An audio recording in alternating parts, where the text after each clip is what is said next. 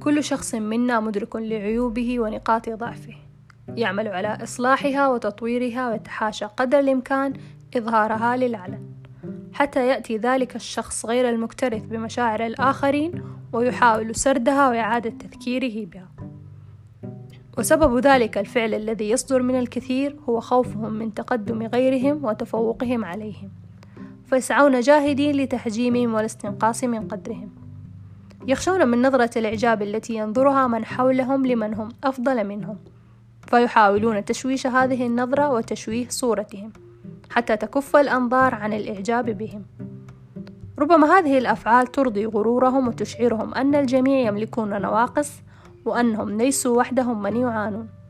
ولكن الفرق يكمن أن هنالك من انشغل بنواقصه وسعى لإصلاحها وهنالك من هم مثلهم انشغلوا بتفقد عيوب الآخرين.